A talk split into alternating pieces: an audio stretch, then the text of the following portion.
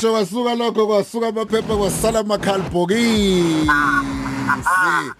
hayi yabona ke masewenzeka nje hayi. Sesikalile webafa basekhala lokho sesikalile webafa yabona la abanikwa imali nje besebenza nathi siyasebenza manje. Oso nawe uzofuna nawe uzofuna u220 nawe.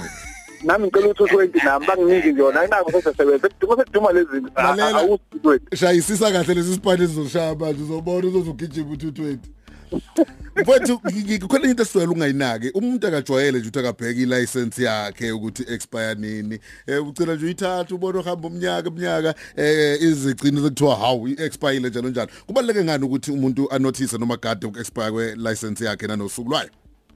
Ngibingelele e-studio sipho ngibingelele futhi nabalaleli bokhozi eMzantsi Afrika nasendaweni zonke eh yabona sipho indaba ye-driving license yokushayela abantu abayithatha kancane umuntu aze anake ngowasekhona isigameko esenzekile.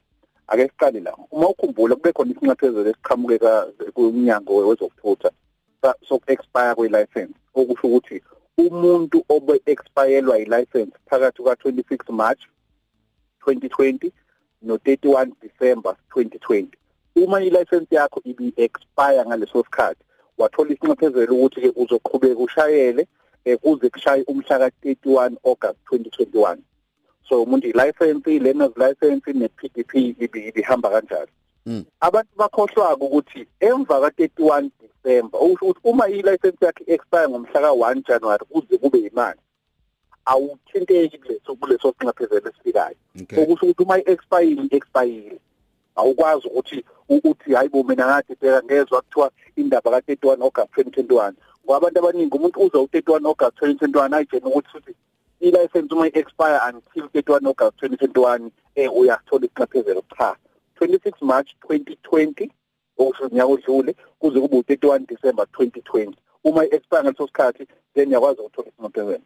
Inkinga iqala sekutheni ngisho abantu akade bekuleso sinxephezelo baningi kade bebuya kumina bethi uma kukhonto eyenzekile imshwalense yabo banika iyinkinga ngisho umuntu uthola ukuthi uyangena kulento kulesikhathi lesi esikhuluma ngaso umuntu abe nenkinga so ke ungamajina kuma wakati uyitshena ukuthi wena vele iyaqualify kuwena bese uthola ukuthi cha iqualify wena ongaphandle kwalento so kubalekile ukuthi umuntu ayibheke okunye kubalekile futhi yabona bakwethu ukurenewa nje license umuntu ayitshena ukuthi into ekhuni kanti ave kuyinto elula ave kuyinto elula. Nje kakhulukazi abasegoli eh bakwazi ukuthi ba renew ngokuthi ba apply online.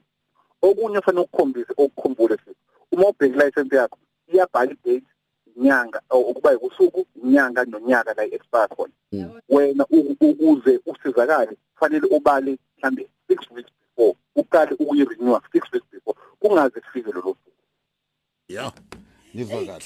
ngiyakuzwa eh njengoba usho sibo ukuthi hey kulula ukuthi ke ungakwazi ukuyivuselela. Ngiyacabanga nje ukuthi hey kulezi khathi esiphila kuzo nje ze technology mhlawumbe funa ngabe siyakhunjuzwa la kuma phone ukuthi sekuyisikhathi njalo wena nonhlanhla sokuthi uyovuselela incwadi zakho zokushayela. Mhlawumbe kube nomkhafazwana nje uyayibona into enjalo?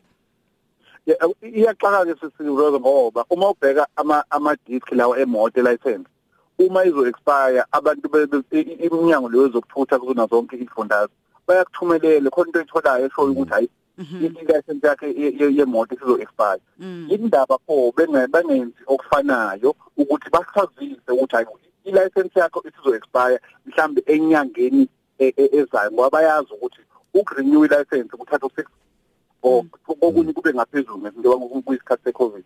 So kufanele ukuthi umuntu ngey'nyanga ey'mbili ngaphambi kokuba i-expire. Kube khona into ayitholayo emkhumbuzisayo ukuthi cha uzowa uma ngalesikhathi ngesikhathi ukuthi uhambe uyeka licensing. And okunye into enye into ke sisimzo umuntu ayitshela ukuthi kuyahlalwa. Into enziwayo kufanele uphathe i-ID copy yakho license yakho endala ithombe embili eyifanele i-ID okunye ne-proof of residence. Okunye kwenzayo baku-check amehlo la kujala ukuthi abantu bahlale khona kakhulu.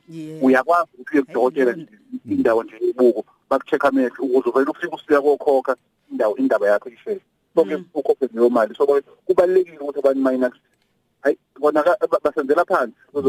Kwezinyenga zokuthutha ukuthi bangakwazi ukuthi basinike le notification ukwazi ukuthi then two months before i-expire ukuthi hayi sekuzonakala sibonelo expire i-license yakho sayibona iya-expire ey'nyangeni ey'mbili ezayo qala ulungisela ukwenza amalungiselelo ukuze ukwazi ukuthi uthole license ya nanokuthi nje sibo hey uma usuhleli lapha na sekuthiwa likhanya ngapi lamba kuthiwa left right bani bani unjani loya age ugcina ungasazi ukuthi kukhanya ngaphi ugcine na usubona ukuthi angiboni. Eh kuyathusa ngempela zonke lezo zinto. Mm kanti njengoba ngisho esizindlo uyakwazi ukuthi uyenze endaweni kodokotela weyibuko uyenze leyo test. Futhi ke okunye ukhumbule umuntu utshena ukuthi uma ngilo renew futhi ngiqale kabusha ukushayela cha. Bahlola amehlo kuphela bese uyakwazi ukuthi ukhokhe. So ungatsheni ukuthi ngibuye ngene emotweni cha amehlo kuphela nabahlolayo bese bayakwazi ukuthi wena. Ukhumbule bawethu uma ungayenzi lento le insurance yakho uma kwaba khona ingozi ayikhokhi. Asikhulumi nokuthi lokho kuyiwaleke back uma nje i-license yakho expired ubungafanele kube semgaqweni ubungafanele ushayele imoto. Ngisho imoto yakho inawo umshwalense ayikhokhi i-insurance. Okusho ukuthi ukhokhela imoto yakho ukhokhele nalomuntu omshayisile. Andikhumbule ngobani kune backlog kuyimanje ngoDisemba wakuthiwa kune backlog ka 320000 yabantu aba-applyele ukurenew ama license so ke njengoba sikhuluma ngalo 2 months gada ke nawo ungangeni kuleso kuleso sigiqo mfethu ngiyazi ukuthi nihlele nine imoto eniyiphostayo ku noma niyiphostayo ku moto online. Khonani yini esingafike siyithole epagini mfethu uHyundai ukhiphe iSanta Fe entsha eh uma ufuna iSUV yo7 seater eh khona isifikile entsha eMzansi i-design yakho nabayishintshile abanye bazoyithanda abanye ngebayithanda kodwa ukuze uyibone uzokwazi ukuthi uye kwi-page lethu eh kwimoto online.co.za ukhumbule futhi uma uya ku-social media ku-Facebook imoto online bese ukuthi kwi-Instagram imoto media bese ukuthi kwi-Twitter imoto_online ngasho uma uya nje kakhulukazi ku-Facebook uye kwi-page lethu click u-like ukuze uma uthola ama-notification uma khona into esiyifakayo le nto engiyikhuluma namhlanje sikho le ye-license sengiyifakile ku-website yethu www.imotoonline.co.za